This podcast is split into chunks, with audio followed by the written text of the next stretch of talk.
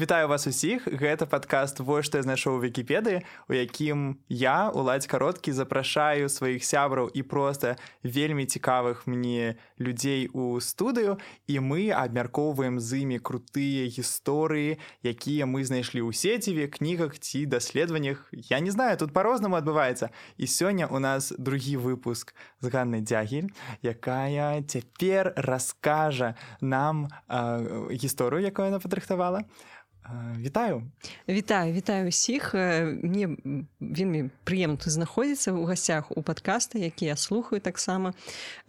І я вас заклікаю слухаць ранейшыя выпускі. Ну і канешне паслухаць выпуска так склалася гістарычна. Там же накапілася крыху цікавых гісторый. Так пераходзьце абавязкова па спасылках у апісанні. Там будуць і тэлеграм-канал падкасту і сам падкаст так склалася гістарычна і таксама тэлеграм-канал падкасту вось знайшоў вікіпедыі там будуць шмат дадатковых матэрыялаў да тэмаў выпускаў і якая тэма і давайте пачынаць давайте.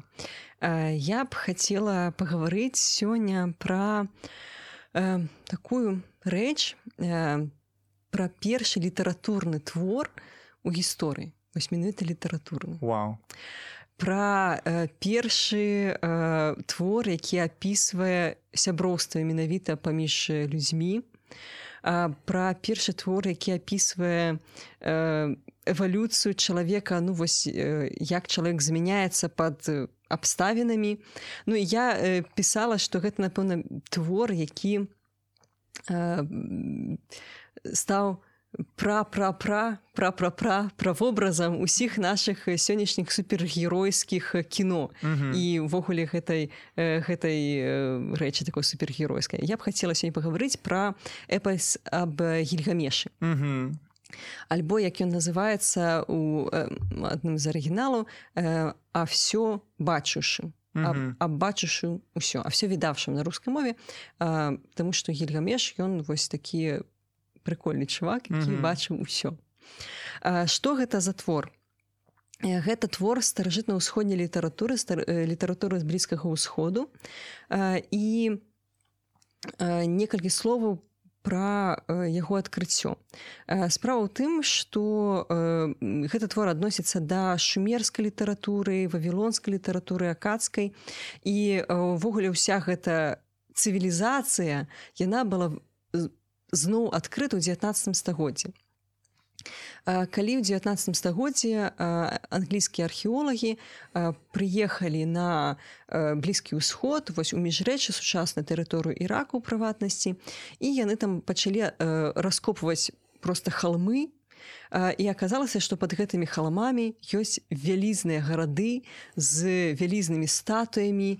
І у тым ліку яны знаходзілі невялікія такія гліненыя таблічкі з незразумелым пісьмом.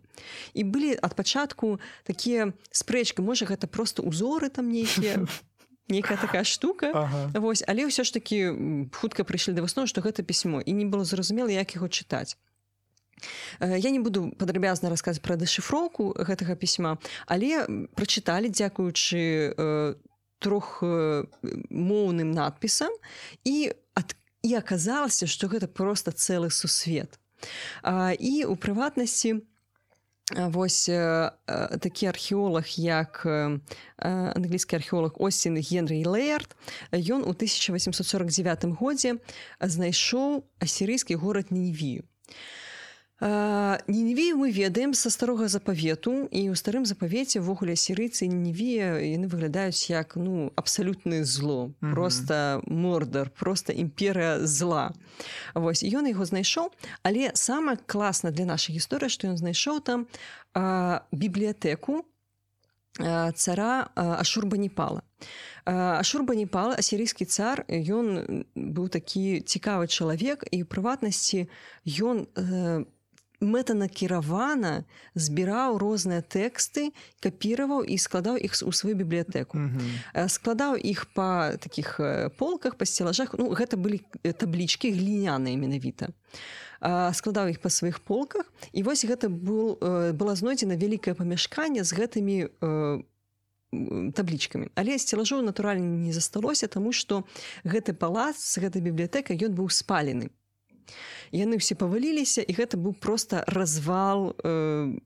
ну нейкага пабітых пабітых э, табліц з нейкіх мы гэтым пісьмом. Дарэчы вельмі э, круты лайфхак за старажытнасці э, твою бібліятэку і тое што там унутры нельга спаліць калі там все з гліны. Яны ж не могуць спаліцца э, ну так на наадварот наадварот тое што тое што яны апалены дапамагло ім захавацца. Таму што самі гэтыя э, таблічкі яны звычайна высушвалі іх на сонцы а то што э, быў спалены палац то гэта абпаліла іх і замацавала. Э, круто так, так, так, то... такім вугольным сталі Ну такім, так так так. Ну вось як звычайна, як звычайна mm. кераміка калі вы просто з вылепіце гаршэчак то ён вельмі хутка не будзе вельмі трывалым. А калі вы яго апаліце то гэта гліна будзе трывалы Ну так тут часто бывае у гісторыі што э, калі ствараецца трагедыя яна ну як бы гісторыкам дапамагае па выніку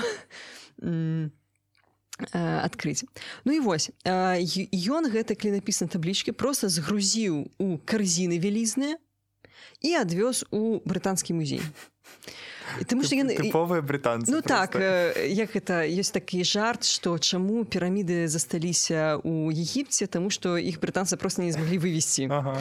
Вось ну тады такі быў час у 19 стагоддзя што просто ну ўсё вывозілася ну і там вывучалася і доўгі час выпуска выставляліся гэтыя табліцы ну просто як дзіковінка спрабавалі іх расшыфраваць па выніку расшыфравалі нават такі быў эксперымент калі тром людзям якія сказалі што вось мы расшыфравалі клінапіс адправілі ў закрытых канвертах тэкст і яны потым прыслалі свае варыянты перакладу і іх адначасова зачыталі ён аказаўся ну, фактычна ідэнтычным mm. то бок все з гэтага часу можна лічыць што навучыліся чытаць клінапіс больш-менш восьось Але вось гэтыя клінапісныя таблічкі яны просто развалам ляжалі. І нават калі вы ўмееце чытаць шмат якія з іх былі пабітыя. Mm -hmm. і вось гэта як гіганцкая мазаіка да якую трэба было знайсці вось адзін кусочак потым з іншага месца іх нейкім чынам спалучыць каб прачытаць агульны тэкст. І нават цяпер большая частка э, эпасу аб гільгамешы яна ёсць шматлікія лакуны да, шматлікія таблічкі яны не поўнасцю ну забегаючы наперад э, зараз э, знойдзена больш за 200 э, розных э, кусочкаў клінапісных таблічкаў э, з элементамі эпаса аб гільгамешы якія былі знойдзены ў розных месцах. І э, хутчэй за ўсё яшчэ будуць знаходзіць тому что э, на сённяшні момант э, клінапісных тэкстаў ну літаральна мільёны ну не мільёны ну больш за мільён ого. То бок гэта вельмі шмат. І розных элементаў розных тэкстаў у розных месцах.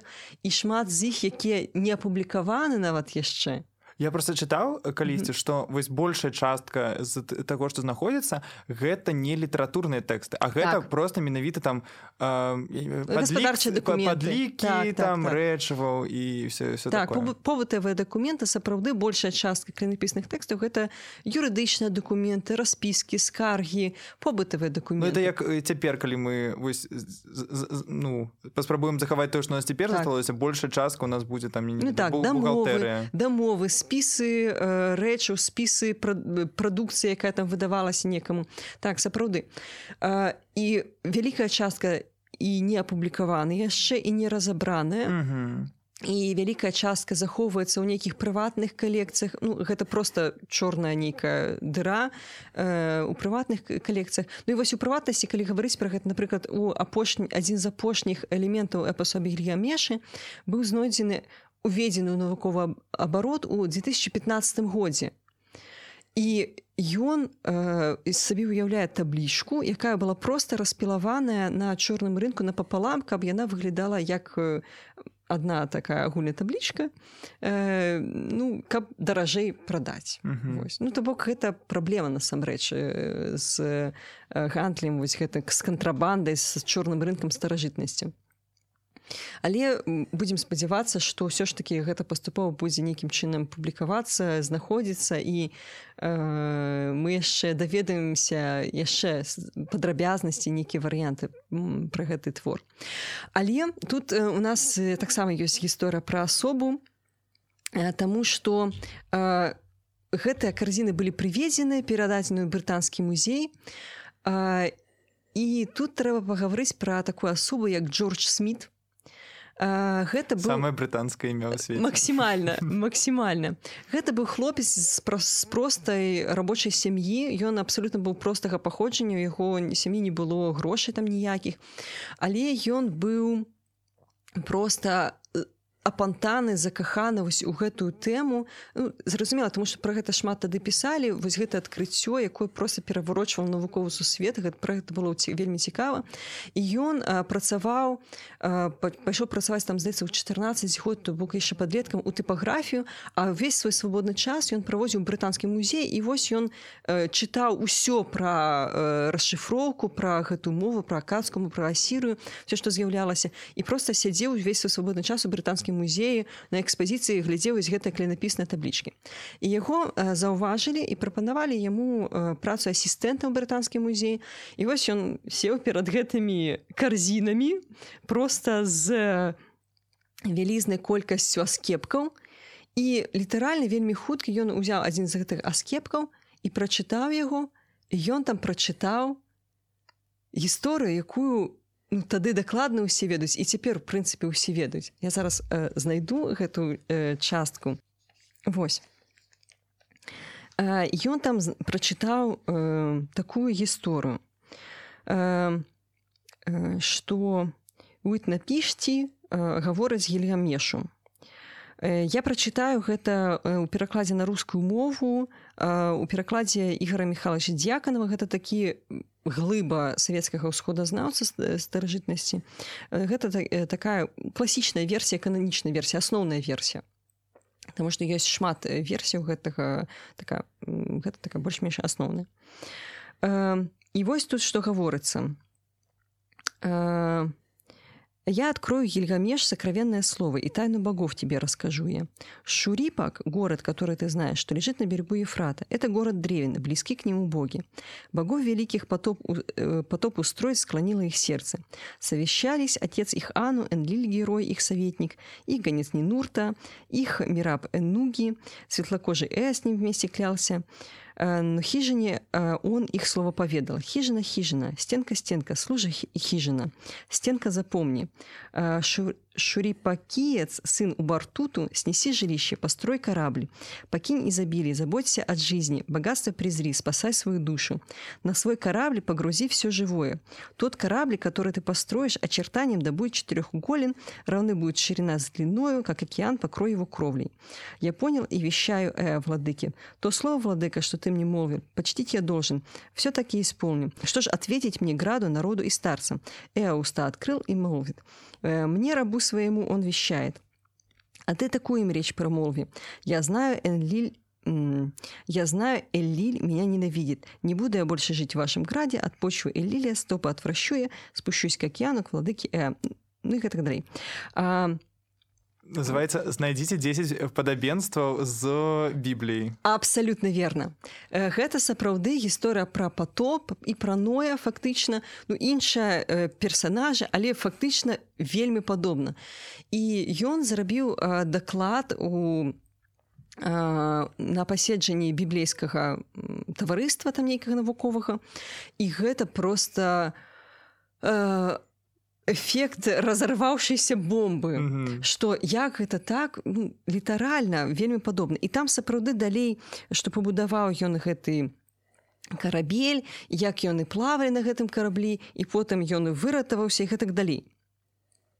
То бок гэта была сенсацыя гэта была сапраўды сенсацыя той што э, вось гэтая гісторыя яна э, ну фактычна паўтараецца. Але трэба забегаючы наперад сказаць што э, мы не бачым по прамой пераемнасці паміж біблейскім тэкстам і э, тэкстам эпасабілікамеша тому что паміж імі ну літаральна там 2000 гадоў але пэўна вось гэта гісторыя пра потоп яна была ну нейкая такая агульная для блізкага ўсходу і яна нейкім чынам э, фігуравала Таму ну, крытыкі бібліі яны там могуць сказаць што вот у бібліі там все так, арыгінальнага я але... адразу думаю што гэта наадварот пацвярджае просто яны по-іншаму называлі ноя але ўсім вядома што ну, вось гісторыя пацвердзілася ну, так так, так, так. можна і абраніць і крытыкаваць так так так. Ну, гэта Але вось гэта сенсацыя гэта адкрыццё.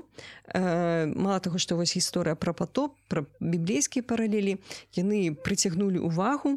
Э, і ён чытаючы зразумеў што гэта гісторыя на частка яшчэ большай гісторыі нейкай. І э, былі выдзелены нейкай газеты грошы на той каб ён паехаў у э, у э, сучасны іраку вавілонію і знайшоў там працяг Да? Ён сапраўды паехаў, знайшоў яшчэ больш там за 300 аскепкаў гэтых таблічак і сапраўды там быў працяг. Але на жаль, ён там захвара на дызентэрі і памёр у ва ўзросце 36 год. То бок вось Джордж Смит гэта такая асоба выбітная ў нашай гісторыі і ў прынцыпы ў асірыялогіі, Таму што э, ён зрабіў фактычна адкрыццё, э, але, на жаль, вельмі хутка памёр у маладым узросце. Э, але ў яго была жонка дзеці і вось каралева Вікторыя яна э, выдзеліла ім пенсію пажыццёвую там 150 фунтаў.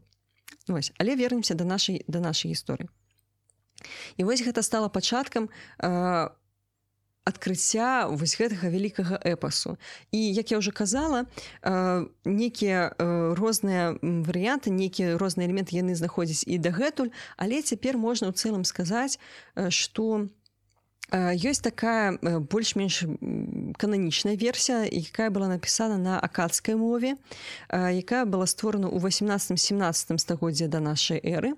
І вось гэтая кананічная версія сюжэтам з эвалюцыі персонажаў яна была складзена мы нават ведаем кім сін лекі у ніні Вось так звалі гэтага э, чалавека, які склаў напэўна, гэта быў аўтар, э, яго вызначаць як заклінатель, ну напэўна, гэта быў жрэц. Я просто думаю, што это так учыце 17-17 э, стагоддзяў да нашай эры. Я просто думаю, гэта амаль 4000 год таму. Ну тыпу 3700 год. Так. Так. Офігеть. так, гэта вельмі даўно. так, так, так. Вось. І трэба сказаць, што былі асобныя песні пра гільгамеша. Увогуле гільгамеш гэта рэальны персанаж гэта цар горада урук які жыў прыкладна 2800 2700 год да нашай эры. Яго імя ёсць у спісе цароў і напэўна ён быў такой выбітной асобы тому что пра яго былі складзены розныя гісторыі шумерскія гісторыі то бок найбольш старажыта але яны не былі складзены ў адзіны сюжэт. Потым вось наш заклінатель сінлекі у ніні ён склаў гэта ў нейкі агульны сюжэт але версіі гэтага эпосу ёсць і на хурыцкай мове і на хецкай мове. І нават там да 15 стагоддзя у арабаў там ёсць нейкія згадкі пра гільгамі што бог гэта быў персанаж вельмі папулярны. Ёсць шмат яго выяваў там дзе яны перамагаюць э, там з, э, пачвару там розных. Ну, мы пра гэта паговорым. То бок персанаж супер папулярны. э, кананічная версія гільгамешы складаецца з 11 табліцаў якія распавядаюць пра розныя прыгоды уласна кажучы гільгамеша і яго сябра. Ну перайдзем да сюжэту так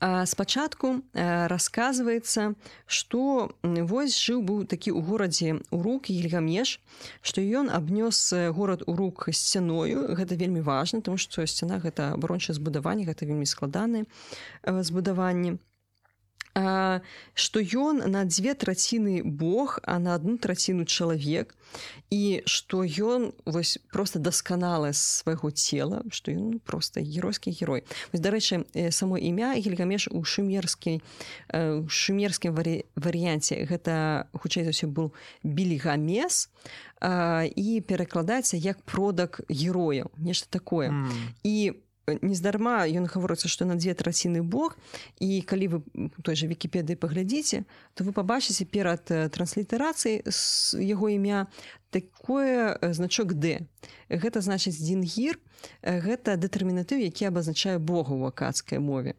То бок такім чынам паказваецца яго боская сутнасць. Ну і ён абагаўлены быў з цягам mm -hmm. часу Вось і ён э, вось не гледзячы на тое што ён быў такі дасканалы і сцяну пабудаваў гэтак далей ён быў такі ну не вельмі хорошы чалавек тому что ён вось пра што яго э, гаворыцца буйный муж, чья глава как у тура подъята, чье оружие в бою не имеет равных, все его товарищи встают по барабану, по спальням страшатся мужи Урука. Отцу Гильгамеш не оставит сына, днем и ночью буйствует плотью. А Гильгамеш ли то пастырь огражденного Урука, он ли пастырь сынов Урука, мощный, славно все постигший? Матери Гильгамеш не оставит девы, зачата героем суженой мужем. Ну, то бок, ён э, вельмі буйны, ён тварыць просто беспредел. То бок гэта я просто думаю якая мэта была вось так опісаць это был не узорны герой не той какой так. трэба было раўняцца так. был на яго людзі скардзіліся. Ага. так то бок ён быў цар у рук але на яго людзі скардзілись ну вось прыватнасць ён карыстаўся правам першай ночы да. Э, ну гэта не вельмі Окей. Cancel. Э, ну так.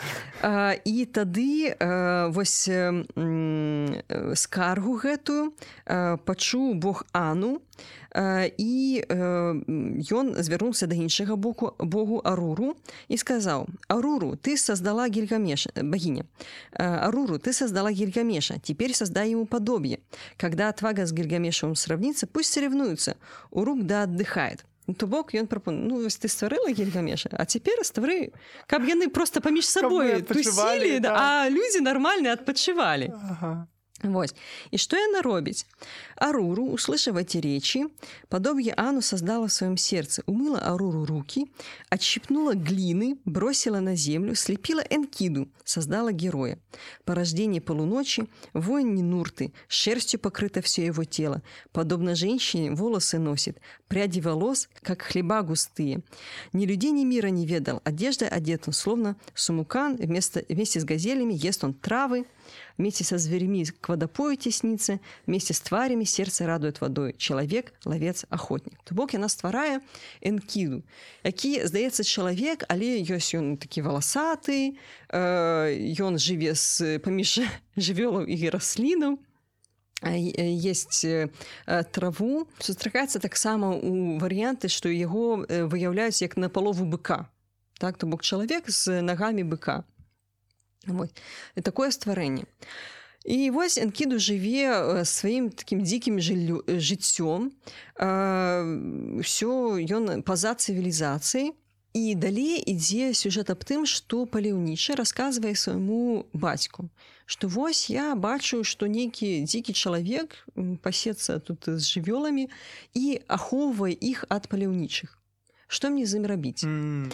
а, і вось бацька гэтага палюнічага гаворыць што вось жывёць гельгамеш ва ўрукі звярніся да яго. Паляўнічы прыходзіць да гельгамеша і э, гаворыць яму што вось ёсць нейкі муж што из гор явіился во всей стране рука его могуча как из как из камня с небес крепкие его руки бродит вечная по всем горам он ну і гэтак далей опісвае што ён жыве з жывёламі не дае паляваць на что Гильгамеш ему говорить. «Иди, мой охотник, блудницу Шамхат приведи с собою.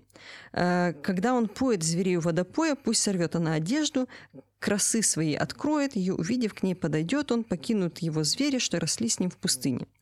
Ну і сапраўды ён гэты паляўнічы бярэш сабой блудніцу шамхат ну брудніца гэта маецца на увазе храмавая прастытутка такая была рэч. І сапраўды я калі пады энкіду падыходзіць да вадапою яна зарывае з себе адзенне ён бачыць яе прыгажосць. І далей што адбываецца яны займаюцца каханнем 7 дзён і 6 6, 6 ночы 7 дзён.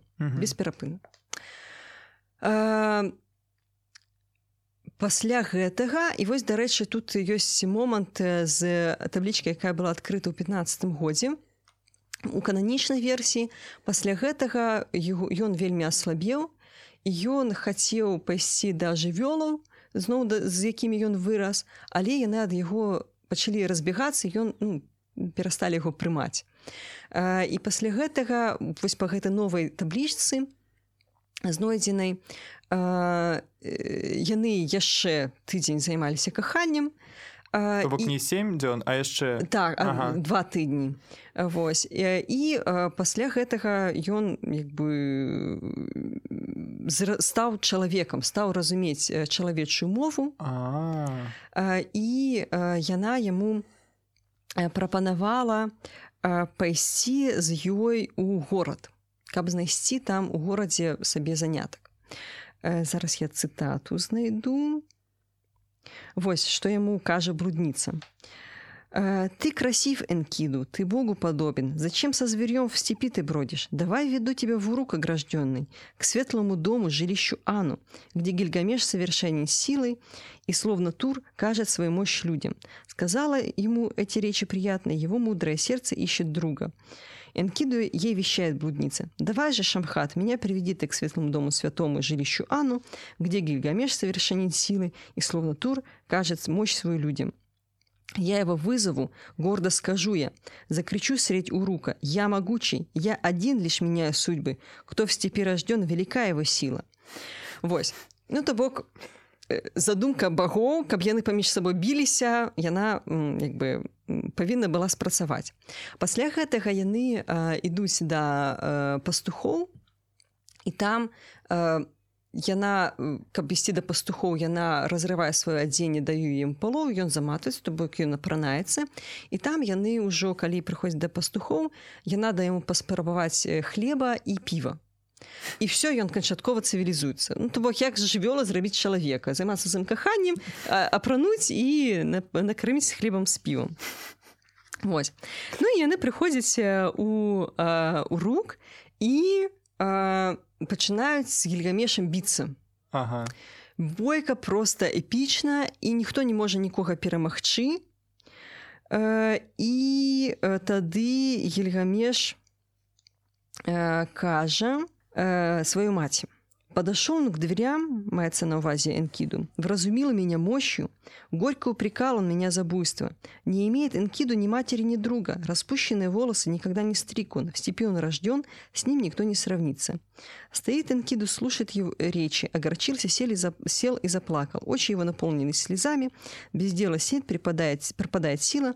Обнялись оба друга, сели рядом, за руки взялись, как братья родные і яны з гэтага часу сталі лепшымі сябрамі просто як браты адзін аднаму. Офіге Я думаю что там же будзе гісторыя что ён ну прайграў тому что ён звязаўся з людзьмі і страціўся блин не не тым ты по-добраму что вось энкіду ён быў створаны каб бароцца з гелькамешам але яны э, роўныя па сіле аказаліся і як бы гельгамеш ён ну спачуванні паказаў да і пасля гэтага яны сталі лепшымі друганамі але што э, даецца э, што гаворыцца далей э, Гильгамеш наклонил лицо, вещает Энкиду. «Почему твои очи наполнились слезами? Опечалилось сердце, вздыхаешь ты горько». Энкиду уста открыл, вещает Гильгамешу. «Вопли, друг мой, разрывают мне горло. Без дела сижу, пропадает сила.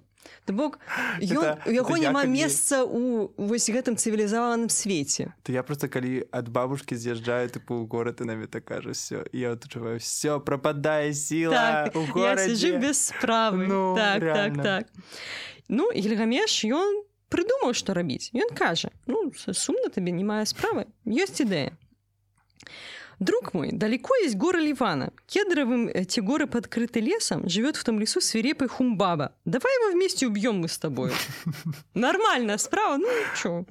А, э, справа в том, что Ливан, э, э, зараз у Ливане кедров фактично нема, а у старожитности ливанские кедры это было вельми каштовный материал, і э, ён вельмі каштоўны быў ну вось гэты хумбаба ён э, як бы ахоўваў гэта міфічны персонаж ахоўваў гэтай ліванскія кедры. Ну і забегаючы наперад ім гэта ўдалося хаця кіду ён казаў што ну, гэта дрэнная ідэя гэта вельмі магутны персонаж але гельгамечкі нормально все будзе добра Ну яны перамаглі па выніку але э, гэта не спадабалася э, багам. Але вось што яшчэ мне спадабалася. Пасля таго як яны перамаглі э, хумбабу э, гэта ўжо шостая табліца. Э, тут гаворыцца. Пра гельгамеша Он умыл свое тело, все оружие блестело, с лба на спину волосы он закинул, с грязным разлучился, чистым он облачился, как накинул он плащ и стан подпоясал, так венчал Гильгамеш себя тиарой. На красоту Гильгамеша подняла очи государыня Иштар. Ну, Иштар — это богиня. То бок ён прыбраўся і ну, просто красавчик стаў. І гаворыць яму: Давай, Ельгамеш, будь мне супругом. Зрелость тела вдарь подари мне. Ты лишь будешь мне мужем, я буду женою. Приготовлю для тебя золотую колесницу с золотыми колесами с янтарными рогами, а впрягут в нее бури э, могучих мулов. Войди в наш дом и в благоухании кедра. Как входить ты в дом наш станешь, и порог, и престол доцелуют твои ноги. Да преклонят колени государи, цари и владыки. Да несут тебе данью, дар холмов и равнин. Ну и так далее.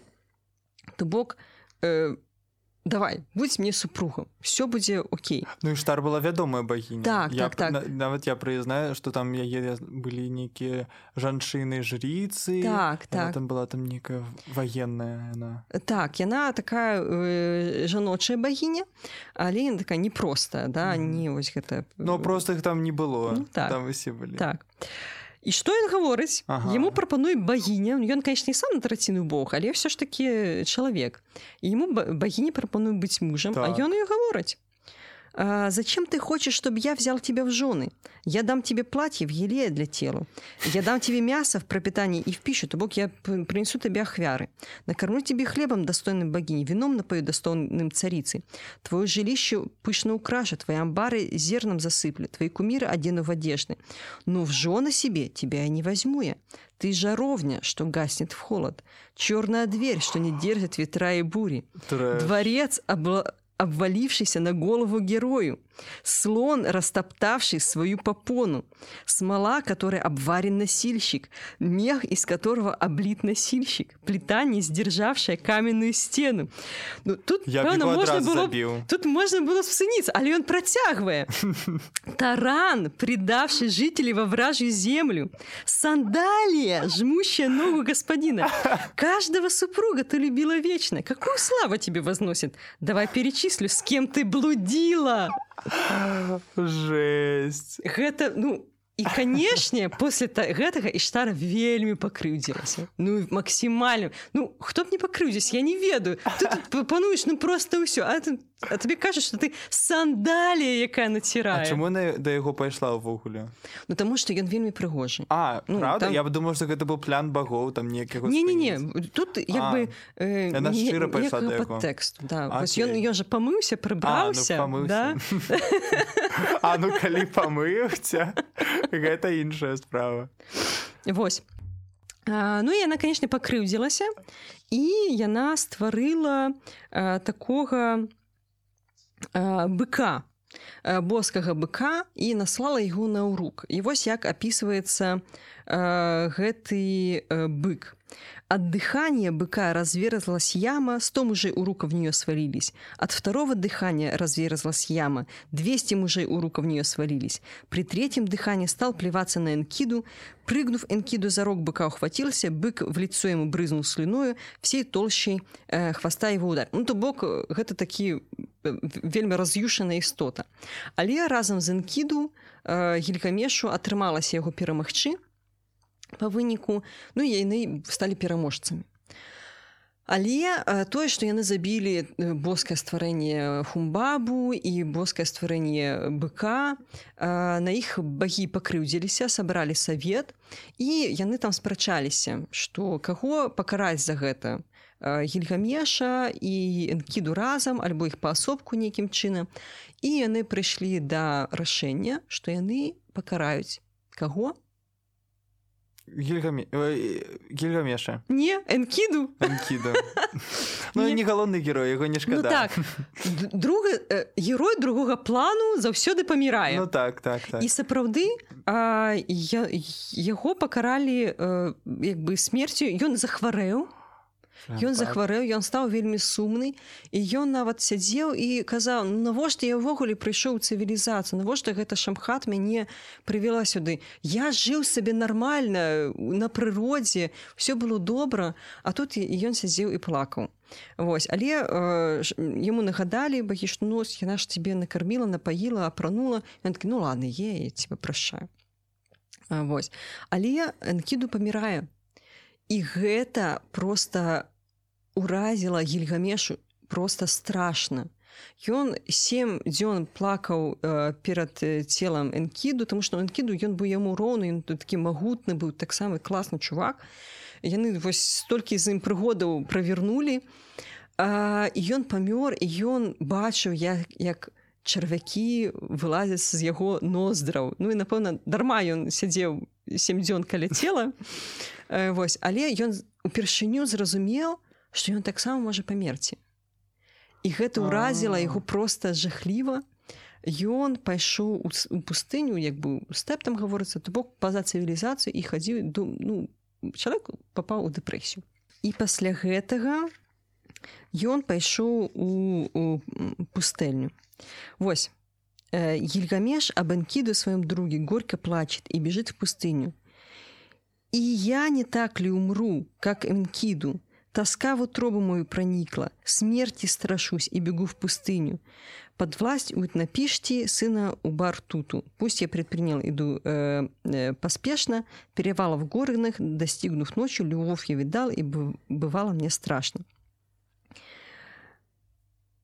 Тут у нас еще один персонаж возникает, Утнапишти.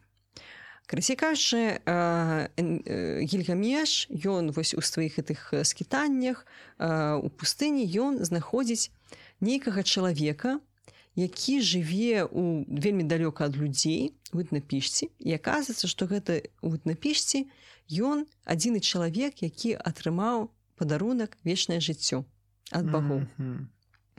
і гільгамеш яго пытае А як? Як гэта атрымалася Ну і то яму кажа што ну я просто як бы аказаўся у патрэбным месцы ў патрэбны час і мне вось багі далі э, вечнае жыццё але ён параіўся з жонкай то бок жонка там яшчэ ўзнікае чамусьці. Пэўна я таксама было вечнае жыццё а можа не. І жонка яму кажа ну расскажы ну, класны чувак расскажы ему і аказваецца трэба плыць там пэўным чынам у пэўнае месца. І на дне мора ёсць э, э, кветка. І калі з'есці гэту кветку то э, будзе атрымаць чалавек вечнае жыццё. Гільгамеш плыве э, бярэ гэтую кветку дастае яе з дна мора. Але выйшаўшы на бераг ён вырашае паспаць. І гэтую кветку з'ядае змяя. І змяя скідвае скуру ну, як бы жыве вечна цяпер. То бок гельгамеш ён ага. ён быў у адным кроку ад вечнага жыцця і ён ну, просто праспаў Афіге... я калі шчыра я гэта бачу усю гісторыю як гісторыю на нейкіх э, на, на бела... ну пра Беларусь. Тыпу потому что вось гэта яго сябар гэта буквально э, беларусы 60-х гадоў калі вёска памірае яны едуць у горад і там і яны просто дэпрэсуюць тому что яны адарваліся ад сваёй вось талакі. Э, вось гэтыя э, гэтая кветка гэта реально купальня. Э, а, а брат ён паплыў паплыў хацеў знайсці але змяя з'ела ўсё ну так. Гэта, гэта ўсё. Я просто чакаю кім па выніку апынецца гільгамеш. Вось. Э, ну, сапраўды ну гэт, у гэтым эмоцыі гэтага твора літаратурнага што рэальна так, столькі тысячи год прайшлі і вось гэтыя сімвалі яны по-ранейшаму можна зайсці правда не так. перадаваліся і так ішлі. Яны нейкія глыбінныя. Так так так. І і тут канешне вось калі у вас адбыцца нейкі фейл у жыцці і вы будете себе карыць успомніце гельгамеша які просто прафейліў э, кветку вечнага жыцця. Mm -hmm. Але скончваецца э, гісторыя тым что э, ну вось не атрымаў ён вечнае жыццё змея з'ела гэтую кветку і ён вяртаецца ў ваўрук і скончваецца тым што ён наглядзіць на горад са сцен у руку. Ну і мы бачым ну, напэўна ён замірыўся з гэтым лёсам так усяго? Так. Блин прыгожа. Так. То бок мы бачым як змяняецца гэты персонаж. З нейкага такого ну чалавек які просто буйнога трикстера. да. Ён знаходзіць сапраўдную сяброўства. Ён даведваецца пра смерць. Ён спачатку спрабуе нейкім чынам перамагчы вось гэты лёс але потым ён ну, заміраецца з сваім лёсам. Вот. Блин гэта вельмі круто тому что э, мне падабаецца гэта у кантэксце таго что ён ну я не пайшоў там да багоў альбо ён рабіў свае вось гэтыя э, учынкі не таму что там была нейкая вялікая мэта якую трэба было дасягнуць а таму что ім просто было сумна ну, так, а давайте так. заб'ем хумбаву так ну. просто пагуля ну так просто пагуляем типа сябрам. Сябр памёр ён сапраўды тыпу там пакутваў так гэта. так так. І чаму гэты э, твор ён літаратурны ён вялікі да таму что мы сапраўды бачым эвалюцыю персонажа галоўнага як ён змяняецца что ён сапраўды э, вось праз гэтыя прыгоды знаходзіць нейкія новыя сэнсы. І гэта нейка вось я калі спачатку казаў што гэта нейкі не навучальны э, герой Я думаю што часткова і навучальны тому что ён як вы сказалі што спачатку што ён як пе, пе, як это пачынальнік усіх э, прыходнікаў mm -hmm. хто будзе. Гэта вось рэальна узор для будучых прыходнікаў што э, як трэба рэальна ісці ў сваім шляху аналізаваць і там развівацца. Ну блин гэта круто, круто да. матывуе. А цяпер у мне загадка. О. Значится вось эпас гільгамеш ён у старажытнасці ўплываў на э, літаратуру і на герояў. І вось гэта сюжэта мы як мы бачым яны ў бібліі у нас некаторыя ёсць. Але і пасля таго як адкрылі ну, пасля 19 стагоддзя пасля таго як пераадкрылі гэта ён і дагэтуль уплывае на масавую культуру. Там ёсць розныя творы якія э, літаральна з гэтым імем персонажа але вось мне пытанне. Про энкіду. Да? ага. ён у нас такім чалавек аказаўся э, другога плану але гэта просто маё асабістая гісторыя. У нас быў невялікі семінар по акадскай мове. Вось з лапушанскім я з ім таксама рабіла э, падкаст. э, і мы акурат чыталі эпасабілька мешы перакладалі яго і я лежала перад сном думала пра пасы гільгамеша пра энкіду акраз вось гэта якраз гэты эпізод калі ён цывілізаваўся Вось я думала а на каго падобны энкіду я ляжала і думала так гадзіна ночы была я ляжала і думала ось энкіду такі валасаты ось на якога персонажа ён падобны нешта нешта я такое ўжо бачыла і сапраўды я подумала сумерки. Не не сумерки. Не не ваўкалакі okay.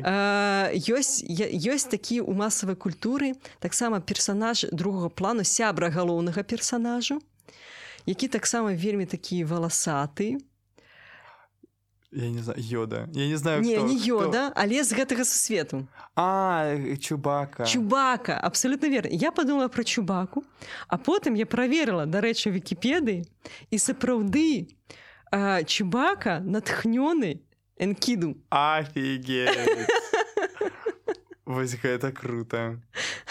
А, Вау Вау. А я думал я думал ты кажаш загадка я думаю уже адразу так это хто з якой гісторыі хацеў тыпу дасягнуць тыпу тыпу все як это все магутнага жыцця не як это? Ну неважно. Ну, так так. Блин ну круто чубака. Я калі шчыра ніколі не глядзеў гэтыя войны зорка блин Вау Так. круто что гэта цяпер уплывае тому что насамрэч я думаю что вось такія творы варта чытаць і это уже так пагульняючы чаму гэта варт mm -hmm. не толькі таму что гэта просто круто напісана і то там вельмі шмат імёнаў все равно там ёсць цікавыя радкі просто читаешь про вось гэты валасы mm -hmm. нібыта у хлебе вось я думаю что як гэта круто напісана а таму что гэта у праўда стварае нашу культуру і стварыла тое хто мы ёсць нягледзя на тое што гэта ну, ну не так давно знойдзена mm -hmm. роўна гэта дзесьці ўнутры нас усіх сядзіць так так так ну і гэта такі вечныя гісторыі пра імкненне mm -hmm. да большага пра пра сяброўства рэшце рэшт але я я вось асабіста зразумела што трэба гэта чытаць вусна услых такія рэчы старажытныя тому что у старажытнасці э, вось пісьмовая культура яна так это зафіксавана але я жыва сабе ўяўляю что гэта людзі перш за ўсё рассказывалі адзін аднаму збіраліся ну давай расскажы там про гелькамеша і можа нават нейкія сцэнкі як яны адзін аднаму кажуць вось гэта ну гэта настолькі жыва уяўляецца і нас захавалася шмат выяву гельгамеша энкіду іх як яны вось гэтага нябеснага быка перамагаюць я сыны як яны перамагаюць хумбабу і гэта вельмі было распаўсюджана на блізкім усходзе. Э, ну гэта такая такая рэч вельмі жывая што настолькі вялікае месца займала. Вы казалі што аповеды под гелямешу рыхтуецца э, перакласці на беларускую мову. Трэба адразу будзе зрабіць аўдыокніў а лепш тыпу аўдыа нестанову такую так, так, так. адразу гэта ну акурат яно будзе гучаць. Ну так так, так класная ідэя дзякую вам дзякую вам што прыйшлі. Гэта гэта было вельмі круто калі вы таксама так лічыце абавязкова подписывайтеся ну на гэты падказ на падказ так склалася гістарычна абавязкова просто райце нам сваім сябрам расказаце а знаеш што я паслухаў ці паслухала і гэта ўсім дапаможа Так, э, кожны лайк камент распаўсюджвае контент.